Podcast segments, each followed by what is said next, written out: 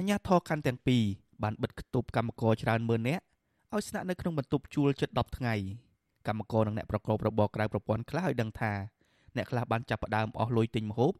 និងគ្មានអង្គហូបបណ្ដាបណ្ដាហើយកម្មការិនីម្នាក់ដែលធ្វើការនៅរោងចក្រដេនឡាក់ក្នុងខណ្ឌពោធិ៍សែនជ័យកញ្ញានីសុគន្ធ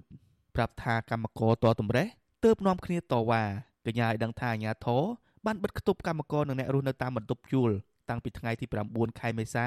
ហើយជាងមួយសប្តាហ៍មកនេះគ្មាននរណាម្នាក់បានទទួលអំណោយពីអាជ្ញាធររដ្ឋនោះទេទន្ទឹមនឹងនេះអាជ្ញាធរបានបិទគប់បរិវេណនោះទាំងស្រុងមិនអនុញ្ញាតឲ្យកម្មករចេញក្រៅបរិវេណនៃម្ដុំបន្ទប់ជួលនោះទេសូម្បីតែទៅផ្សារទិញម្ហូបកញ្ញាបន្តថាកម្មករទាំងអស់អាចទិញម្ហូបអាហារបានតែនៅក្នុងបរិវេណនៃម្ដុំបន្ទប់ជួលទេហើយមានអ្នកលក់ម្ហូបចូលមកលក់នៅទីនោះប៉ុន្តែបន្លែសាច់មានតម្លៃថ្លៃជាងនៅទីផ្សារ នៅនឹងបងមើលគេកត់មូលឡើងមកទឹកជាងហើយបោការឃុំវិញឃុំចាប់ពីថ្ងៃទី9មកឡើងចិត្ត9ថ្ងៃហើយគឺអត់ទាន់មានបានអីទេនៅទេគេឲ្យយើងរងចាំប្រហែលជា2ថ្ងៃទៀតអីចឹងតាមគេសិនទៅបបគេនេះហើយចាំយើងចាំមើលសិនថា2ថ្ងៃនឹងបានឬអត់ចាំមើលសិនកម្មករតាមរោងចក្រនានានិងអ្នកស្នាក់នៅក្នុងបន្ទប់ជួលនៅចន្លោះខណ្ឌមានជ័យនិងខណ្ឌពោធិ៍សែនជ័យ បានជួបជុំគ្នានាំគ្នាតវ៉ានៅបរិវេណបន្ទប់ជួល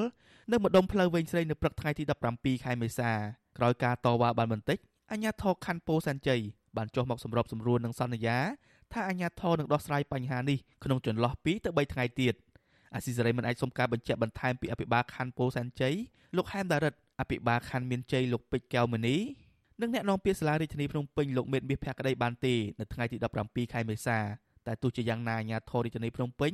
ធ្លាប់បង្ហោះសារពីការផ្ដល់អំណោយឲ្យកម្មករជាង600នាក់នៅតាមបណ្ដារោងចក្រមួយចំនួនដែលមានកម្មករឆ្លង COVID-19 នៅម្ដុំផ្លូវវែងស្រេងកាលពីថ្ងៃទី12ខែមេសាតែទោះជាយ៉ាងណាអ្នករត់កង់3ម្នាក់ដែលស្នាក់នៅក្នុងបន្ទប់ជួលម្ដុំគ្នានោះដែរលោកយ៉ាងប៉ារីឲ្យដឹងថាពលរដ្ឋនាំគ្នារំសាយក្រោយពេលដែលអាជ្ញាធរសន្យាថាដោះស្រាយឲ្យ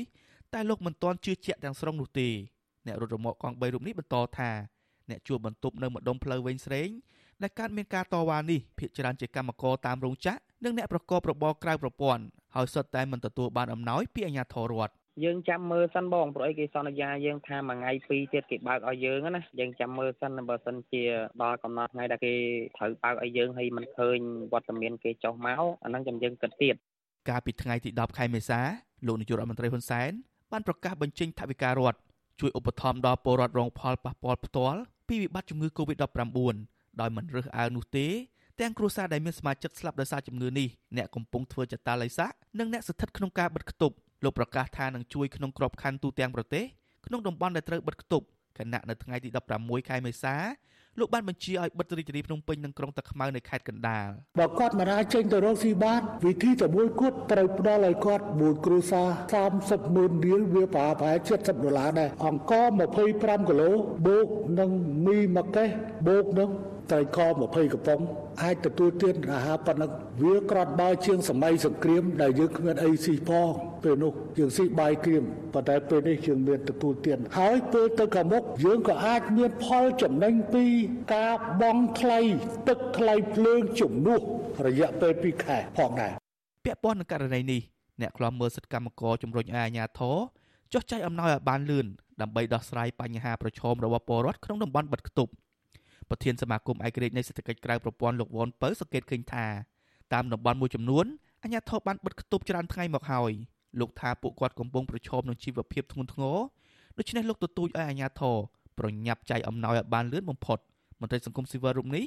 ជំរុញឲ្យអាជ្ញាធរដោះស្រាយបញ្ហានេះជាបន្ទាន់បើពុំដូចនេះទេពលរដ្ឋក្រីក្រកាន់តែច្រើននឹងប្រឈមបញ្ហាគ្មានអាហារហូបហើយពួកគេអាចនឹងជួបជុំគ្នាតវ៉ាបែបនេះទៀត។ រដ្ឋគួរតែគិតរៀបចំសេណារីយ៉ូឬក៏ផែនការច្បាស់លាស់ឡើងវិញដើម្បីកុំឲ្យមានព្រឹត្តិការណ៍អតវ៉ាបែបនេះទៅទៀតដែលជារឿងមួយវាជាមេរៀនសំខាន់ដើម្បីដាស់ស្មារតីរបស់អាជ្ញាធរស្ថានមូលដ្ឋានទាំងអស់ហ្នឹងត្រូវធ្វើការបញ្ជូនប្រជាពលរដ្ឋប្រកបដោយប្រសិទ្ធភាពហើយមុននឹងធ្វើអីរដ្ឋត្រូវតែគិតចារណាមានផែនការច្បាស់លាស់ដើម្បីឆ្លើយតបទៅនឹងតម្រូវការជាក់ស្ដែងបើមិនមានផែនការច្បាស់លាស់ទេវាមិនដាលឲ្យគាត់តវ៉ាអញ្ចឹងអញ្ចឹងខ្ញុំគិតថាវាជារឿងមួយចាំបាច់ណាស់ហើយយើងសង្ឃឹមថារដ្ឋនឹងឆ្លើយតបជាមួយពួកគាត់នៅពេលឆាប់ឆាប់ នេះជាលើកទី1ហើយដែលកម្មករនិងអ្នកស្នាក់នៅតាមបន្ទប់ជួល